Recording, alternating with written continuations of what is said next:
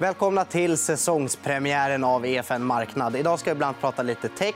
Vi ska djupdyka i intressanta bolag inför 2022 såsom Storytel, Millicom och Ratos.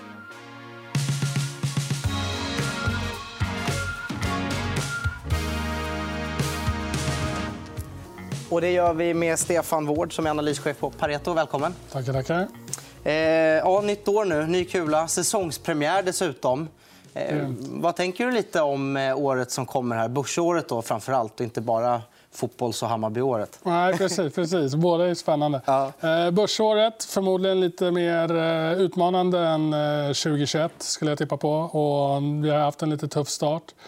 Å andra sidan vi har fått mycket kommunicerat på kort tid från Fed. så att De har fått ut sitt budskap klart och tydligt. och Marknaden har hunnit smälta det, delvis i varje fall. Så att eh, det är inte säkert att vi behöver ha så där jättemycket eh, motstånd i, i närtid. Vi får se. helt enkelt. Det beror mycket på hur, hur rapportsäsongen utvecklas. och så också. Mm. Det känns som att något som har kommit ner mycket sista kvartalet eller halvåret är sånt som gick bra från pandemibotten och 12-18 månader framåt. Mm. Så som dataspel, eh, tech till exempel. Och mm. Jag tänker bland annat på, på Storytel som har kommit ner en bit sen ja, senaste halvåret.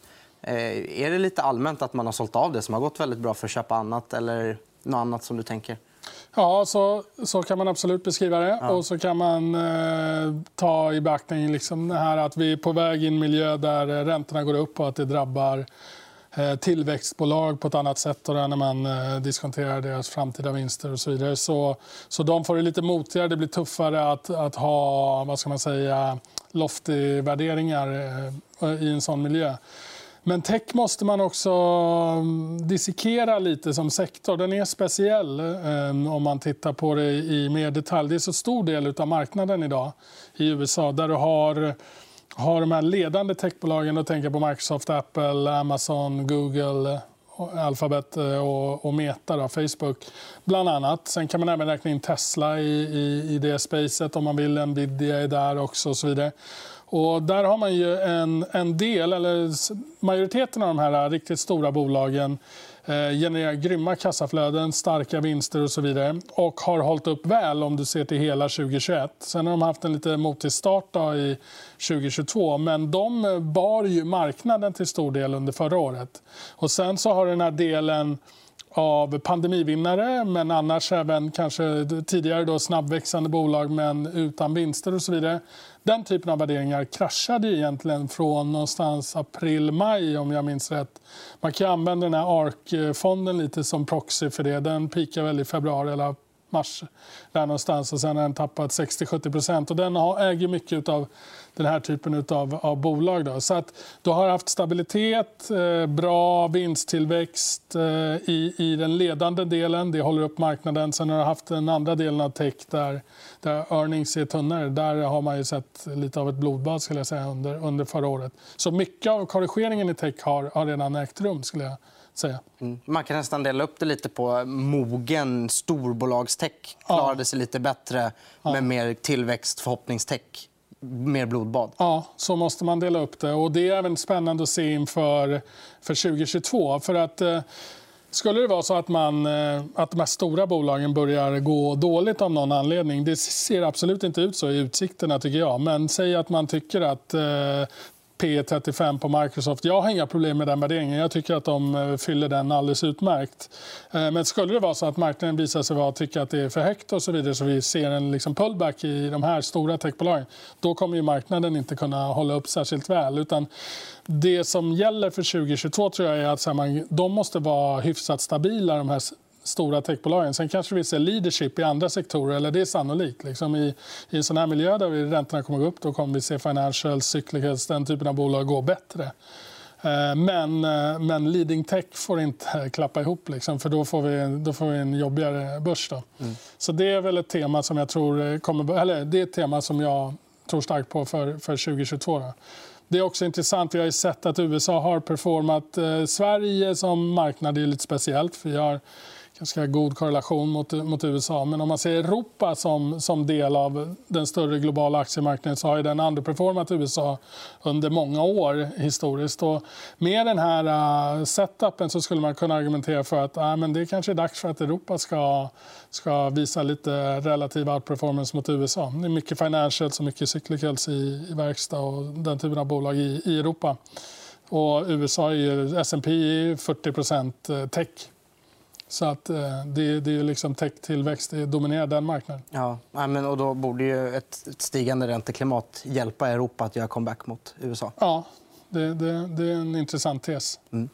Eh, de flesta goda ting i tre. och Jag tänkte vi skulle prata om tre stycken bolag som du gillar. Och, eh, vi börjar med Storytel, mm. som ja, lite motigt i fjol. Kanske dags för comeback nu. Då. Ja, fjolåret är, det är bara en jättestor besvikelse. faktiskt. Eh, man kom in i, i 2021 med ett eh, riktigt eh, aggressivt guidance i subscribertillväxt. Eh, och så har man inte lyckats nå det då, och på grund av olika orsaker. Eh, det har varit eh, en del, mycket av den här tillväxten ska komma i, utanför Norden i nya internationella marknader. Och en del marknader har hackat. Latam till exempel har varit flat i över 12 månader, så ingen hjälp därifrån. Indien hade man problem med en del Eh, väldigt så här, marknadsspecifika mm, issues i den delen. Sen har du andra marknader som har gått bra. Polen, Ryssland, eh, Turkiet visar bra tillväxt. Men som helhet så har det inte räckt för att hålla upp det här guidance och så lyckades inte bolaget kommunicera det här på ett eh, optimalt sätt kan man säga, så man fick ett par vinstvarningar under hösten. Och det här eh, har ju påverkat aktien väldigt negativt. Eh, med det sagt, så om man tar in någonstans 380 000 kunder under förra året Ehm, det är upp från 360 om jag minns rätt, året innan. Så det är liksom inget, eh, det är inget kollapsat år. Det är bara att man inte nådde sitt eget guidance. Då. Men med det sagt så man kommer ha då förhållandevis eh, bättre jämförelsetal att växa ifrån 2022 mot 2021. Eh, och ovanpå det så kommer ju det här förvärvet man har gjort av Audiobooks Eh, dotcom .com i USA. Så det öppnar dels USA-marknaden som eh, kan vara riktigt intressant för, för ett bolag som Storytel. Eh, men det adderar också bara rent matematiskt någonstans 10, mellan 10-15% tillväxt för bolaget under 2022. Så tror man att de kan upprepa liksom förra, förra årets kundintag ungefär någonstans kunna växa organiskt 20% och så lägger du på 15% för 35 tillväxt ungefär, eh, vilket är övre delen av deras guidade range fram till 2023. Och kan man leverera det på under nästa år så, så, tror jag att det kommer vara väldigt bra för aktien. Och ovanpå det så kommer vi se marginalförbättringar. Dels så eh, förbättras marginalen i den internationella delen. Norden är, är överraskande starkt. Riktigt bra utveckling där både i tillväxt, liksom 15% tillväxt i Norden är bra för att vara marknadsledande, ha ungefär 50% av Nordenmarknaden. Men även då en riktigt bra lönsamhet. Så att det, den utvecklingen kommer förbättra marginalen. och Sen så är eh, Audiobooks är redan eh, ordentligt eh, lönsamma på ebitda-nivå. Så den profilen då, du är nästan dubbelt så stark eh, total tillväxt eh, och eh, förbättrade marginaler och så har du riktigt pressade multiplar på det för mig ser det ordentligt intressant ut. Jag gillar att se saker från den ljusa sidan. Och jag inser nu när du pratar att har man haft ett dåligt år kan man alltid se det positivt för man lättare kompis att slå nästa. Ja, men lite så är det. Så är det liksom. och, och, man startar ju om. Liksom. Vi har ett jobbigt ett besvikelseår. Liksom. Nu är det en, ett nytt år, nya tag. Och eh, hur ser det ut då, då? Om man försöker göra clean slate och titta på vad är förutsättningarna. Hur ser värderingen ut? Vad tror vi att deras underliggande marknad kommer den växa? Och är den liksom under utveckling? Är deras position bra? Eh, vad har de gjort för strategiska beslut som förvärv eller även en del intressanta rekryteringar som indikerar att de eh, satsar lite mer på sitt, eh, sin plattform och, och ja, produkterbjudande då, eh, som jag tror är, är, lovande. Men det där kommer de behöva kommunicera och vi behöver kunna se det. Jag tror inte det räcker med att, att vi snackar om det så att säga utan det är någonting som bolaget kommer behöva övertyga marknaden om för det finns ju lite ska man säga, besvikelse-discount i aktien eh, i tillfället. Men eh, vad jag tror sker, har skett under Q4 är att man har kört mycket kampanjer och intensifierat. Jag tycker man ser det i sales and marketing-spenden. Och de där kampanjerna kommer ofta med en lagg. Innan, först är det gratiskunder och sen så vill man då att de konverterar. Och det här skulle kunna betyda att man får en bra konvertering redan i Q1. Eh, och det guidance kommer i samband med deras eh, Q4. Då. Eh, och utöver en intressant Q4-rapport som då med guidance för Q1 men även för helåret 2022 kommer att vara helt avgörande eh, så, så tror jag att man kommer, vi kommer få en kapitalmarknadsdag där man kommer uppdatera sina strategiska mål. Då.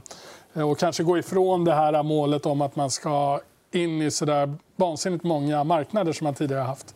exempelvis. Och Det skulle också kunna vara någonting som tar bort lite risk i aktien. Mm.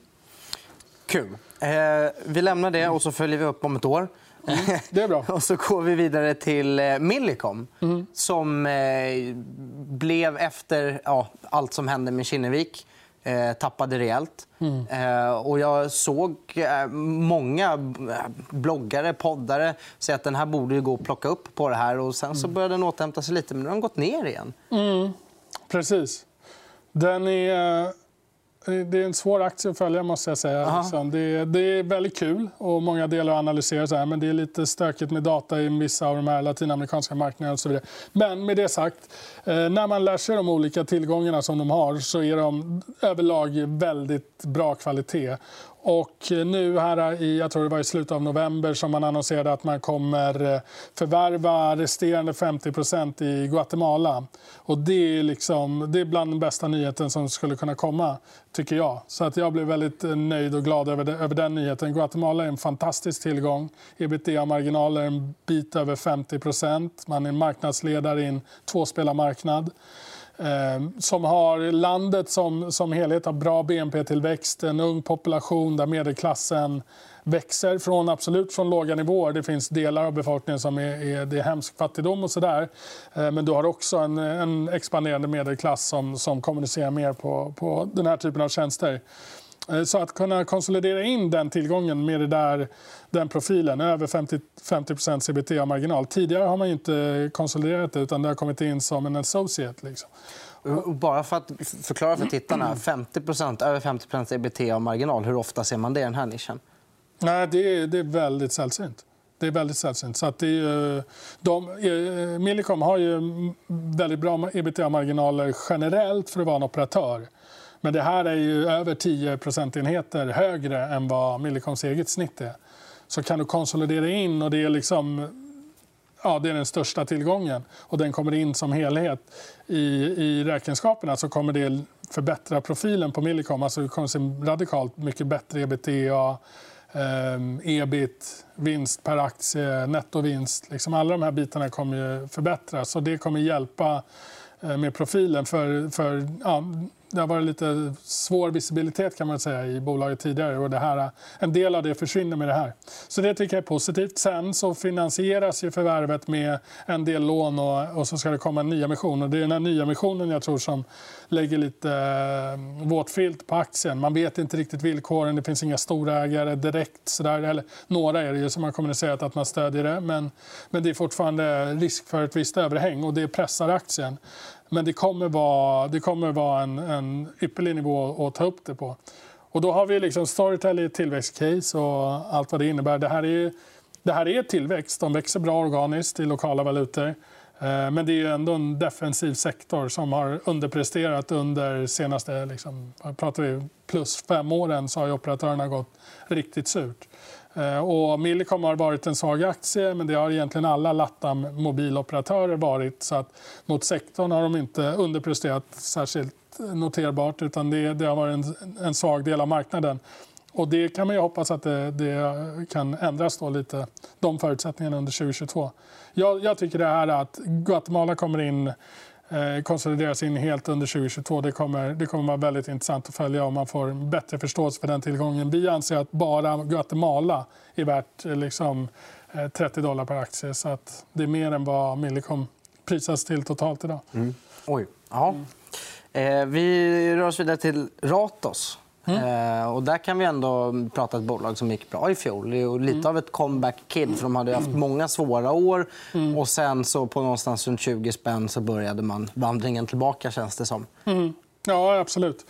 Eh, det är ett eh, underskattat bolag tycker jag, som ändrar profil. Man går från att vara investmentbolag till att bli en så kallad business group. Liksom, kommer rapportera på ett annorlunda sätt och man kommer inte prata om rabatt på samma sätt. Utan jag tycker mer att det har lite av den här compounder-profilen där man växer med, genom förvärv. Man vill vara lite Indutrade-liknande? Ja, åt det hållet. Ja. Och I det perspektivet så är det ju väldigt konservativt värderat. Även om det har skett en del i aktien så är det mycket kvar anser vi Eh, Eh, och en annan sak som jag vill lyfta fram i Ratos är, det är ledningen som är bakom den här förändringen. Och där finns det, det finns hur mycket som helst som man kan prata om som de har gjort eh, och som är riktigt bra kvalitet. Men Jonas Wiström har ju, han var ju vd för eh, ÅF under ja, det plus 15 år. Där han gjorde en fantastisk resa med det bolaget. Och han, har, han visar liksom samma typ av kvaliteter i, i Ratos. Så att, det är lite av ett bett på honom och hans managementteam, Jonas Ågrup och, och några andra. Men sen är det de individuella bolagen i, i portföljen är också väldigt intressanta. Och, ja. Mm. Ja, för jag vet att vad gäller till exempel plantagen då, som har gått väldigt bra så har jag ändå läst mig till att vissa är oroliga att det har gått så pass bra för att de har varit pandemivinnare. Eh, och att man kanske därför inte riktigt vågar hoppas att det här ska hålla i sig. Vad, vad tänker du om det? Ja, nej, men eh, pandemivinnare på det sättet att tillväxten drog iväg så där, det är det. Och man kan inte förvänta sig en så stark tillväxt framöver. Men jag tror inte man behöver... Man ska inte räkna med att det går tillbaka till eh, pre-pandeminivåer. Utan det här är ett bolag som har gjort många strukturella förbättringar under de senaste åren. Eh, Nina Jönsson, vd för, för det. Hon har fenomenalt track record, var på HL Display innan och ja, väldigt duktig helt enkelt. Så hon har förbättrat effektiviteten, sortimentet, utbudet, hur eh, hela bolaget fungerar. Så att, att man har nått en högre lönsamhetsnivå, det, tror jag, det är bestående. Sen vilken typ av tillväxt vi får se, det, det beror på. Jag tror en del av liksom att pandemin driver på Eh, intresset för deras, eh, den här typen av produkter eh, det kommer svalna, eller i alla fall tiden för att man spenderar i trädgården och så vidare, det, det, den kan komma ner. Men har man väl byggt upp det intresset så tror jag inte det går tillbaka till noll. Utan det kommer ju vara fler som är intresserade av det, deras offering. Så jag tror att det, det, är bra.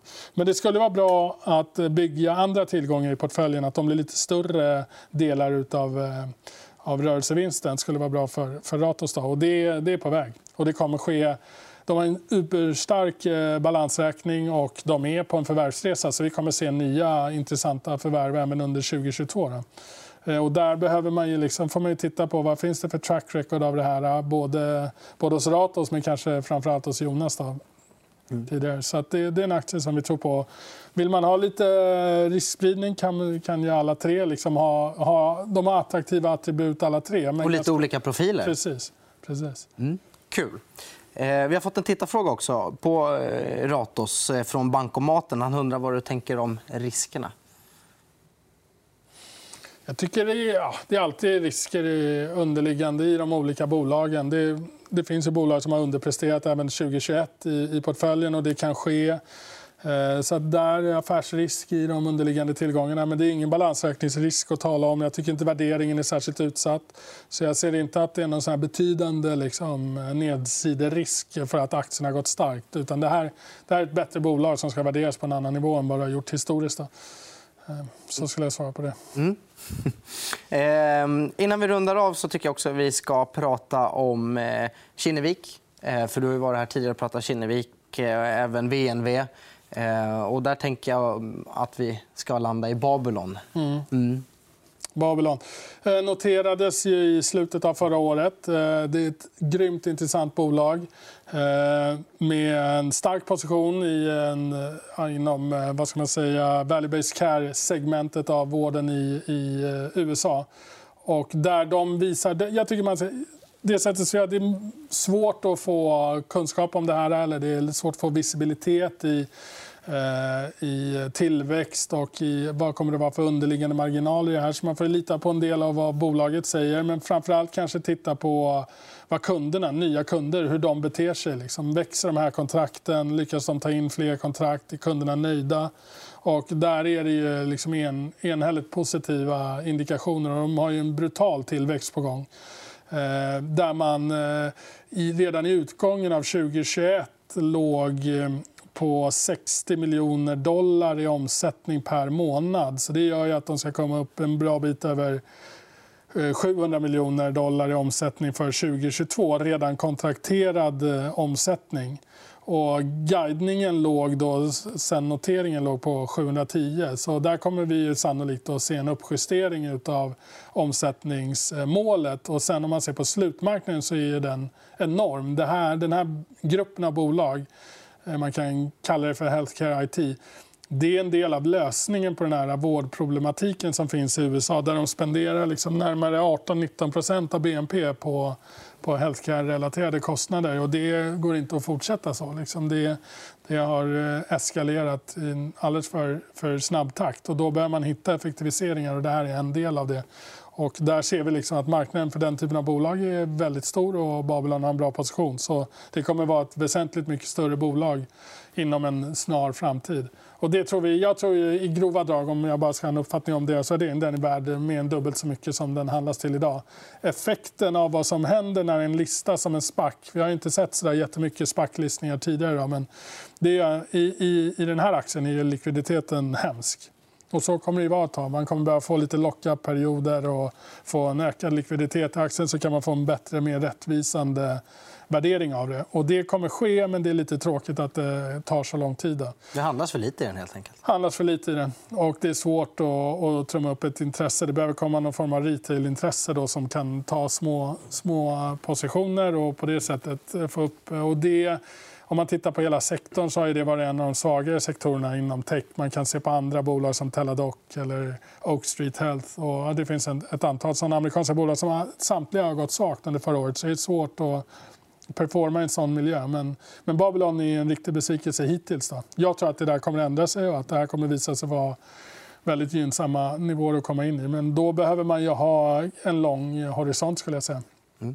Så att man kan sitta på den ett år i varje fall och, och inte vara tvungen att sälja under den tiden utan låta den här dels då free floaten komma upp och att de rapporterar och visar att eh, modellen fungerar och, och så. Det känns generellt när man letar bolag som har hög tillväxt eh, och kanske inte är supermogna än att man behöver ha lite lägre eller längre horisont. För Det kan vara lite slagigare, nåt år högre tillväxt, nåt år sämre mm. kontra om man tar ett moget eh, OMXS30-bolag. Ja, ja, visst. Så är det. Ja. Jag blir ofta på de här mindre tillväxtbolagen. Jag tycker man behöver liksom börja nästan någonstans. Här. Vad är det de adresserar? Hur, hur stor är den marknaden? Vad är deras position? Om vi tar liksom, när, när vi tittar på Storytel, så, ja, ljudboksmarknaden globalt. Vad är, vad är det? Så får man försöka definiera hur stor är den. Är det här någonting som verkar... I Sverige har vi ändå kommit upp i en penetration på 10% liksom. I resten av världen ligger den under 1% så då kan man ju tänka sig att marknaden kan bli radikalt mycket större. Och har man en bra position i det så är det gynnsamt för att kunna växa. Då har man de förutsättningarna. Sen gäller det att bolaget kan exekvera och ha ett bra erbjudande, sköts på rätt sätt och sådär. Men man, får liksom, man måste ha den där förståelsen i, i små bolag där det är hög osäkerhet och kort historik. Och så här. Behöver man göra den typen av läxa för att kunna ja, veta vad det är man har investerat för. Så att säga. Och då kan man ju sitta i perioder när det kan anses vara ganska missförstått. Men har man själv den säkerheten i att nej, men jag tror att de, de här kommer vara tio gånger större om, om fem år, ja, men då, då får man ju sitta kvar eller öka upp under, under såna perioder. Mm. Tack så mycket för att du kom hit, Stefan Wård. Tack. Det var vad vi hade att bjuda på i dagens eh, säsongspremiär. Men vi är tillbaka med ett nytt avsnitt på onsdag igen. Följ oss gärna i sociala medier. Där heter vi EFN TV. Och tryck gärna prenumerera om du har tittat via Youtube. Ha det så fint. Hej då!